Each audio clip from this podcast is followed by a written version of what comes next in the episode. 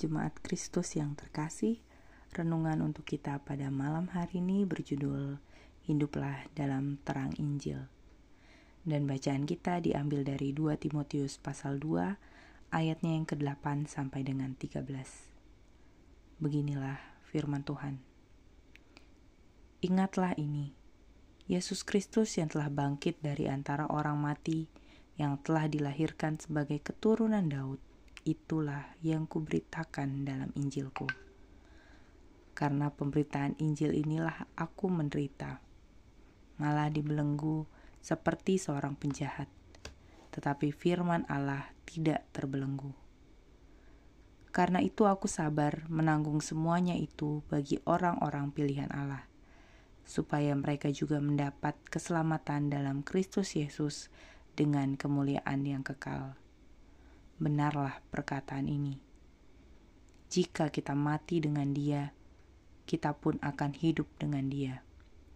Jika kita bertekun, kita pun akan ikut memerintah dengan Dia. Jika kita menyangkal Dia, Dia pun akan menyangkal kita.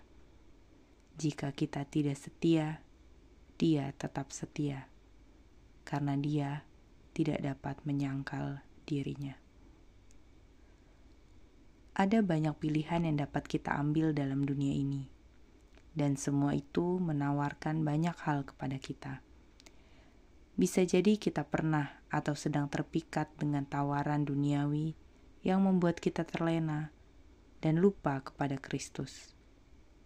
Bila itu sedang terjadi dalam hidup kita, mari kembali dan bertobatlah. Jangan melihat segala sesuatu hanya menurut ukuran dunia tetapi mulailah juga melihat hal yang lebih dalam, yaitu kehidupan setelah kematian.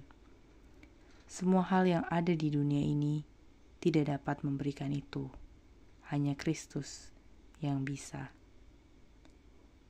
Mari belajar dari Paulus yang benar-benar menyerahkan hidupnya untuk Kristus.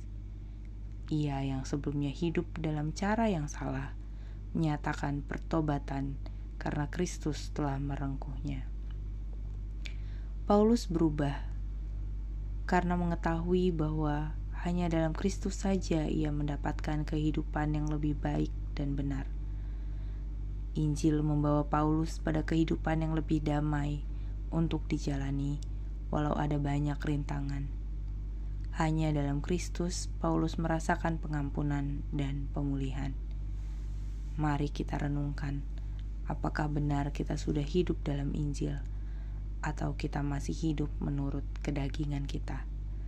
Mari berjalan hanya dalam terang Injil.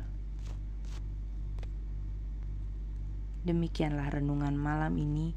Semoga damai sejahtera dari Tuhan Yesus Kristus tetap memenuhi hati dan pikiran kita. Amin.